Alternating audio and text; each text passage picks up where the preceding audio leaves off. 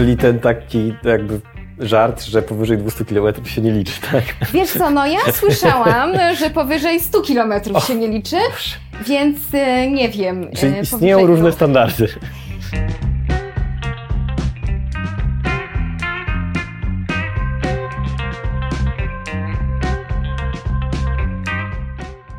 Witajcie w kolejnym odcinku naszego Niemono Podcastu. Witają Was Paulina, i Adam. O czym dzisiaj opowiemy? dzisiaj będzie pierwszy odcinek z cyklu Typy związków etycznie niemonogamicznych. I w dzisiejszym odcinku opowiemy Wam o tych typach związków etycznie niemonogamicznych, które są otwarte w sferze seksualnej jedynie. Czyli będzie to swing, związek otwarty, cuckold i związek typu monogamisz. Zapraszamy. Zacznę od tego, że konsensualna niemonogamia jest terminem parasolowym. Mhm. Termin parasolowy to jest takie mm, pojęcie, które nam pokazuje, że bardzo wiele różnych zjawisk się mieści w obrębie jakiegoś pojęcia. Okej. I sposobów tworzenia relacji konsensualnie niemonogamicznych jest bardzo wiele, przy czym nauka no, próbuje jakoś sklasyfikować po to, żeby opisać zjawisko. Każdy związek niemonogamiczny mm, będzie trochę inny, ale na zasadzie pewnych podobieństw możemy wyróżnić pewne typy, a tych typów i tak mamy już kilkanaście. Bardzo dużo ich jest. Na gruncie naukowym będziemy mieć kilkanaście, chociaż jeśli byśmy zaczęli pytać poszczególne osoby będące w takich byłoby związkach, tego jeszcze więcej. byłoby jeszcze Okej. więcej, bo takie osoby będące w tych związkach jeszcze bardziej starają się dookreślić formę relacji, w której są. Ale może powiemy tylko o takich, które gdzieś tam się Jasne. w Pojawiają literaturze się w naukowej literaturze. pojawiają. Dobra, czyli z tego co pamiętam z pierwszego odcinka, podzieliłaś niemonogamię, etyczną niemonogamię na swing, związek otwarty i poliamorię. I tam w sumie na tym zamknęliśmy temat, bo są te główne trzy grupy, Mhm. tak? No to, to rozszerzmy te pojęcia, czyli zacznijmy od swingu. Tutaj ja może jeszcze dopowiem, że ja o tym wspomniałam dlatego, że swing, związek otwarty i poliamoria Mhm. to są takie typy konsensualnej niemonogami, które pojawiają się najczęściej. Aha, czyli, Czyli- jakby statystycznie wypływają nam. Dokładnie tak. Okej. Statystycznie, jeśli byśmy sobie sprawdzali, w jakich ludzie są w związkach niemonogamicznych, to najczęściej będziemy mieć te. A jak Ci się wydaje z tych No. wszystkich trzech, który jest najczęstszy? Wydaje mi się, że swing? Swing? No, tak by się mogło wydawać, że to jest takie najbardziej powszechne. I może się tak wydawać, bo o swingu czy związku otwartym, ale o swingu szczególnie No dosyć często się słyszy. Mhm. W literaturze popularno-naukowej, w, li- w kulturze ogólnie to się pojawia dosyć często. O, zawsze mi się przypomina ten śmieszny pan z Alternatyw 4, który gdzieś tam właśnie ze swoimi, chociaż nie, do, nie wiem, czy do końca był swing, nie wiem, czy która z nich, któraś z nich była, e, była jego stałą partnerką Mhm. e, czy żoną, ale no, był to taki element gdzieś komiczny, pokazujący, że w tym nowym świecie Coś socjalistycznym, tak, tam ktoś się, Breja się z tego śmiał, że wpływy Mhm, że, e, że, że coś wyglądają w ten sposób. Tak. E, Tam pan stosował nazwę Gruppensex, czyli to był wpływ niemiecki, zdecydowanie. Że seks Seks grupowy. grupowy, tak. Mhm. No, okej. Y, By, ja bym powiedziała, że to może bardziej w takim razie był y, związek otwarty, w ramach którego się praktykowała seks grupowy, ale nie, nie musimy teraz no to tak tak. koniecznie tego klasyfikować. Natomiast y, nie, nie, nie swing, O, poliamoria. Czyli tak? Tak. Jednak. Jednak, Okej. jednak, ale może ja jeszcze tak wyjaśnię po kolei, na Dobrze. czym te związki polegają, tylko zanim y, to zrobię, to powiem, że te klasyfikacje tych wszystkich typów Mhm. opierają się o dwa takie wymiary braku wyłączności relacji. Wymiary braku wyłączności relacji. Już tłumaczę. Dokładnie. Czyli na jakim poziomie, w jakim obszarze dana relacja nie jest na wyłączność, w sensie, że coś nie jest robione tylko z jedną osobą. Czyli tak naprawdę, jeśli dobrze rozumiem, chodzi nam znowu o te granice, tak? Czyli co z kim, kiedy, jak możemy, a czego nie możemy, tak? Gdzie one są? Załóżmy, że jest sobie mm, Michał i Zosia. Okej. Michał i Zosia są w związku, powiedzmy, powiedzmy monogamicznym, więc oni mają siebie na wyłączność w sferze seksualnej, ponieważ Michał z Zosią tylko i wyłącznie całą swoją aktywność seksualną, całe swoje życie Mhm. seksualne oni opierają na interakcjach między sobą, Jasne. więc to jest wyłączność seksualna. z jedną osobą Mhm. tylko, ta sfera, a wyłączność emocjonalna polega na tym, że oni uczuciem romantycznym darzą tylko siebie. Czyli jak dobrze rozumiem, e, całą sferę tą e, emocjonalną, romantyczną, plus tą sferę seksualną, fi- fizyczności, Mhm. po prostu rozgrywają, prowadzą tylko między sobą. Dokładnie. Okej. To są wyłączne sfery zarezerwowane Tylko dla dla nich tylko. Jasne. No ale to jest temat monogamiczny. I teraz To jest temat monogamiczny, ale pokazuje, czym jest ta wyłączność, Jasne, czyli inaczej ekskluzywność. mhm.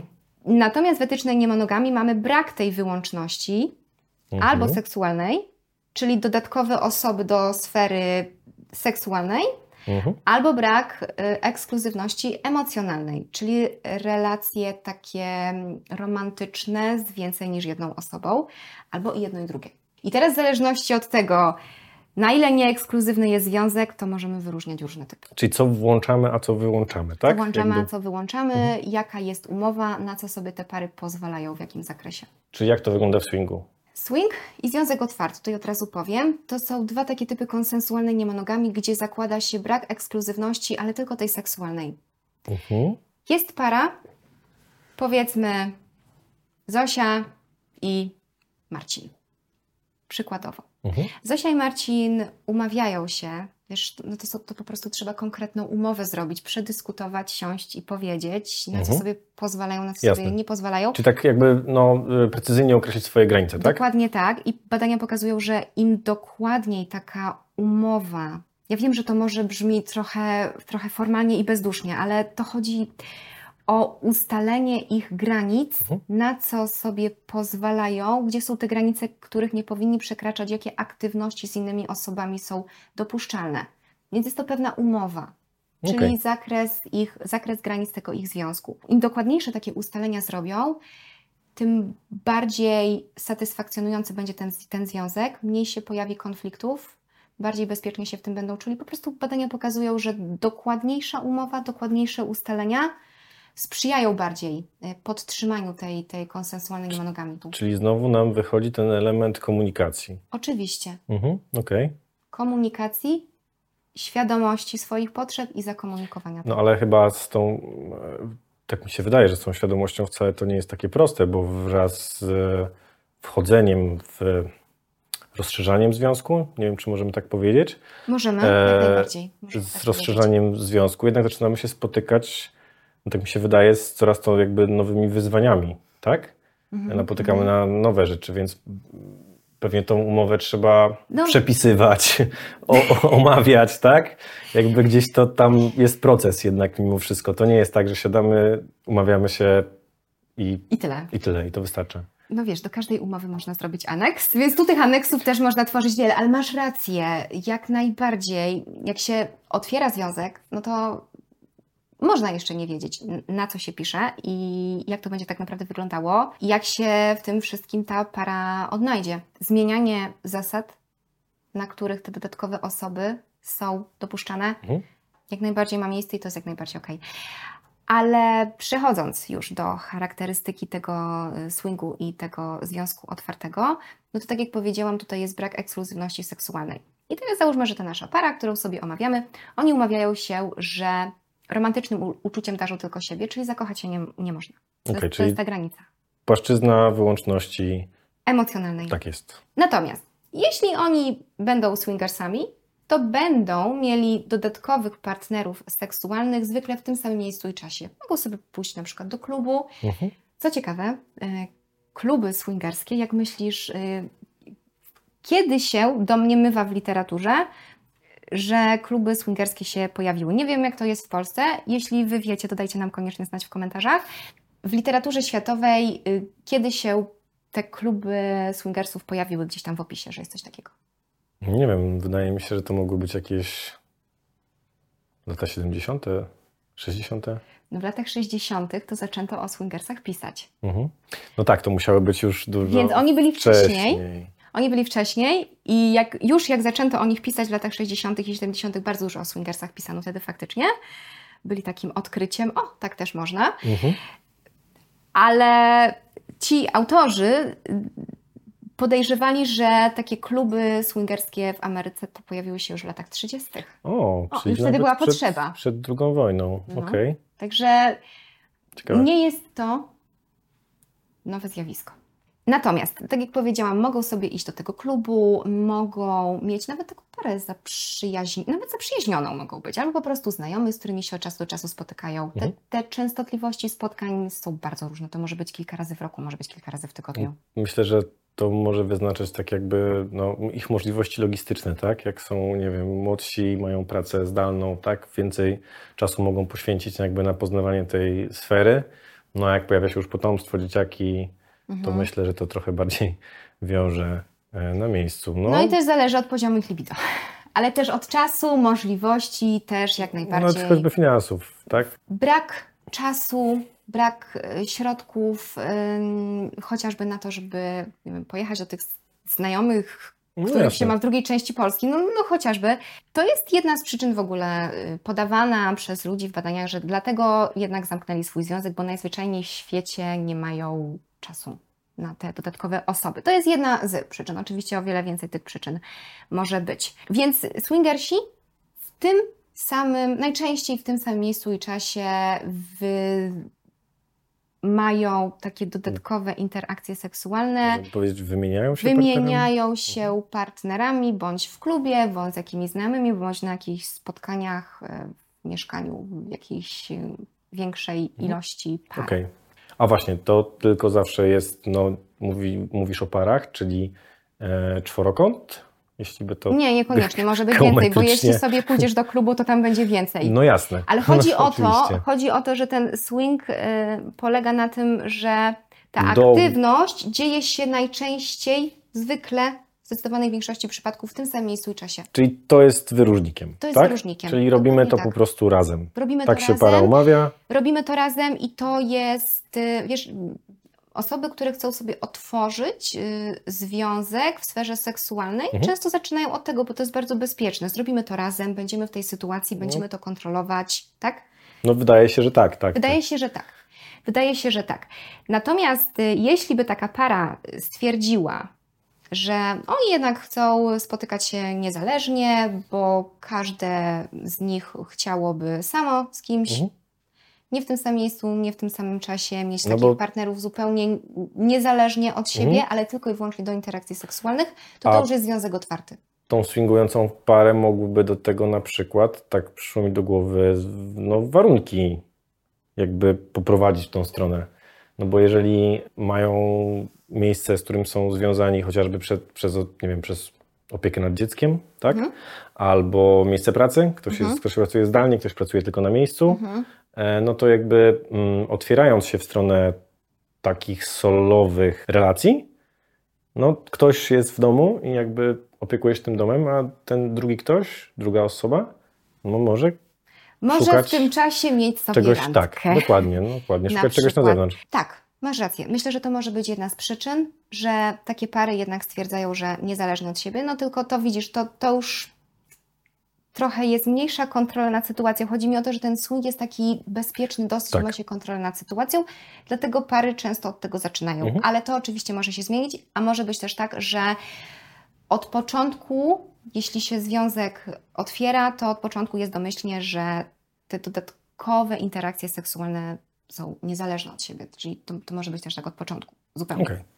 Ale taka jest różnica. Czy zwykle w tym samym miejscu i czasie, czy niezależnie od siebie. Jeśli niezależnie od siebie będzie związek otwarty, aczkolwiek w związku otwartym też można w dalszym, dalszym ciągu od czasu do czasu praktykować swing. Te typy mogą Jasne. na siebie trochę zachodzić. Mhm. Mamy dodatkowo jeszcze związek typu monogamisz. Nie ma jakiegoś dobrego polskiego tłumaczenia. Tak się po prostu mówi, związek typu monogamisz. Jest to dosyć nowe mm, pojęcie, bo pojawiło się w literaturze w ogóle w roku 2011. Świeże. W zasadzie powiem Ci, że to jest y, moim zdaniem Mhm. to jest taki podtyp związku otwartego, tylko z bardzo dużą ilością obwarowań, bo Okej. monogamisz to jest dopuszczenie jakichś dodatkowych partnerów tylko i wyłącznie do aktywności seksualnych, ale ilość zasad, które obwarowują te dodatkowe interakcje, Czyli jest bardzo duża. Czyli mamy długą umowę albo ma długą umowę i tam gwiazdek. jest dużo różnych, dużo różnych jest. Nie można tego, tego, tego i, i, i Okej. tego. A jakie są takie najpopularniejsze, jeśli w badaniach gdzieś to wychodziło, Mhm. e, ograniczenia pojawiające się w tych umowach? Najczęściej jest to tylko jak ten partner główny jest nieobecny. Na przykład gdzieś wyjechał, nie ma go, długo go nie ma. Okej. Albo tylko jak się jest w delegacji czy w podróży, gdzieś tam na przykład w delegacji E, pracowniczej. Czyli ten taki jakby żart, że powyżej 200 km się nie liczy, tak? Wiesz co, no ja słyszałam, że powyżej 100 kilometrów się nie liczy, więc e, nie wiem. Czyli e, istnieją powyżej różne standardy. Napiszcie nam w komentarzach, e, którą wersję tego żartu słyszeliście, po wyżej jakiej ilości kilometrów zdrada nie jest zdradą. Nie jest zdradą. Powyżej ilu kilometrów się nie liczy. Ja też słyszałam, że y, na delegacji to się nie liczy? Aha, czyli nie mamy obwarowania ilościowego, Tak. w sensie Wiesz co, no liczy się liczy. Liczy się liczy, a i owszem. Natomiast no tutaj pytałeś mnie o takie najpowszechniejsze Mhm. umowy, więc najczęściej jest tak, że albo pod nieobecność tego partnera, albo właśnie na wyjeździe, w podróży, w delegacji, albo na przykład umawiają się, że rzadko bardzo takie dodatkowe interakcje są. Tu mówię interakcje, bo Mhm. ciężko tu mówić o relacji, No tak, bo to no. są bardzo przelotne znajomości seksualne. Że one są dopuszczalne bardzo rzadko i to tylko jeden raz może być jedna taka osoba. Już nie może być Mhm. kilka razy. Okej, czyli... mm, Bardzo rzadko i w specyficznych okazjach po prostu. Ten, to jest, Czyli jest to, jest bardzo mocno, y, ta umowa jest bardzo po prostu mocno, ma- wiele obwarowań, tak? I no, poruszanie się tylko w tych. W bardzo wąskim wąskich obszarze, obszarze jest możliwe. dopuszczalnym, że można rzadko albo można w bardzo specyficznych tylko y, sytuacjach. I mamy jeszcze kakolt, inaczej zdradę kontrolowaną. Jeśli ktoś praktykuje tylko i wyłącznie coś takiego, no to powiemy, że ten typ niemonogami, w którym jest, to jest kakolt. Mhm. Ale to też może być pewna praktyka w ramach innych związków. To może być w ramach związku otwartego. Swingersi też mogą czasami na coś takiego się umawiać, a osoby w innych typach, o których, o których powiem później, również, jeśli im to pasuje. Czyli Ale- wtedy jest to tylko po prostu, no, jakby. Pewna Pewien typ zabawy, praktyka w ramach praktyki. innego Okej. związku, ale jeśli ktoś tylko coś takiego praktykuje, no to powiemy, że ten typ niemonogami to jest kakol. Ta zdrada kontrolowana polega na Au! Pozdrawiam mojego męża, który tam stoi za kamerą. A w zasadzie to siedzi. Wygląda jak super profesjonalny reżyser. No dobrze, czyli tak jak mówisz, może to być i typ y, niemonogami, jeśli tylko w ten sposób Tylko w ten wygląda relacja. No i może być to aktywność w różnych typach, jeżeli para też w ten sposób, para, czy e, związek e, też w ten sposób się po prostu, no można powiedzieć, bawi, tak? Taką ma ekspresję można, seksualną. Można tak powiedzieć. W grę wchodzi trójkąt, że tak Mhm. powiem, trzy osoby. Jest główna para. Okej. Załóżmy Zbyszek i Marysia. Zbyszek i Marysia są razem. No, mogą być mniej lub bardziej związani, ale są razem w jakiś sposób. No i czy Zbyszek, czy Marysia stwierdzają, że chcieliby popatrzeć, jak ta druga osoba uprawia seks z kimś innym. Mhm. Czyli to jest zdrada kontrolowana na takiej zasadzie, że jest osoba trzecia, z którą powiedzmy, Marysia będzie uprawiała seks, Zbyszek na to patrzy, Mhm. Czyli Marysia zdradza Zbyszka Marysia zdradza Zbyszka, ale z za osobą, jego za jego zgodą, Zgodą. i z osobą, którą Zbyszek wybrał. zaakceptuje. Może ją, no może okej. ją wybrać, mm, może być tak, że on ją y, wybierze, Mhm. może być tak, że oboje ją wybiorą, ale on No dobra, powinien czyli- zaakceptować y, tę osobę, więc to wszystko jest za jego wiedzą, zgodą, przyzwoleniem i w jego obecności. Czyli jak rozumiem, e, jakby charakterystyką e, tego jest e, raczej taka sytuacja, że to się po prostu odbywa w jednym miejscu, biorą, Udział trzy, Trzy osoby i jedna osoba jedna- patrzy. patrzy na... na tę Zdradę, zdradę, która tak? jest za przyzwoleniem. Która Mhm. jest za przyzwoleniem. I to w zasadzie, jeśli chodzi o takie typy, które są nieekskluzywne seksualnie, to by było tyle. Mhm. Znaczy tylko, e, nie Tylko, ekskluzyw- tylko, seksualnie. A w dzisiejszym odcinku to już wszystko. Jeśli interesują Was takie treści dotyczące etycznej niemonogami, no to zapraszamy na nasze media społecznościowe. Możecie nas znaleźć na Facebooku, Instagramie i TikToku. Linki znajdziecie na pewno w opisie pod filmem. Natomiast jeśli chcecie wiedzieć więcej o nas i o czym jest ten kanał, to zapraszamy do odcinka, w którym więcej o tym opowiadamy. Również link znajdziecie w opisie pod filmem. A w następnym odcinku obejrzycie wywiad z osobą, która właśnie funkcjonuje w związku otwartym, a wcześniej e, funkcjonowała jako swingers. Zapraszamy serdecznie. Moment, moment. Jeszcze prosimy o zasubskrybowanie, kliknięcie dzwoneczka, żebyście nie opuścili tego odcinka i wszystkich kolejnych. I jeśli Wam się podobało, no to zostawcie nam lajka. Na pewno będzie nas to motywowało do dalszej pracy. Do zobaczenia.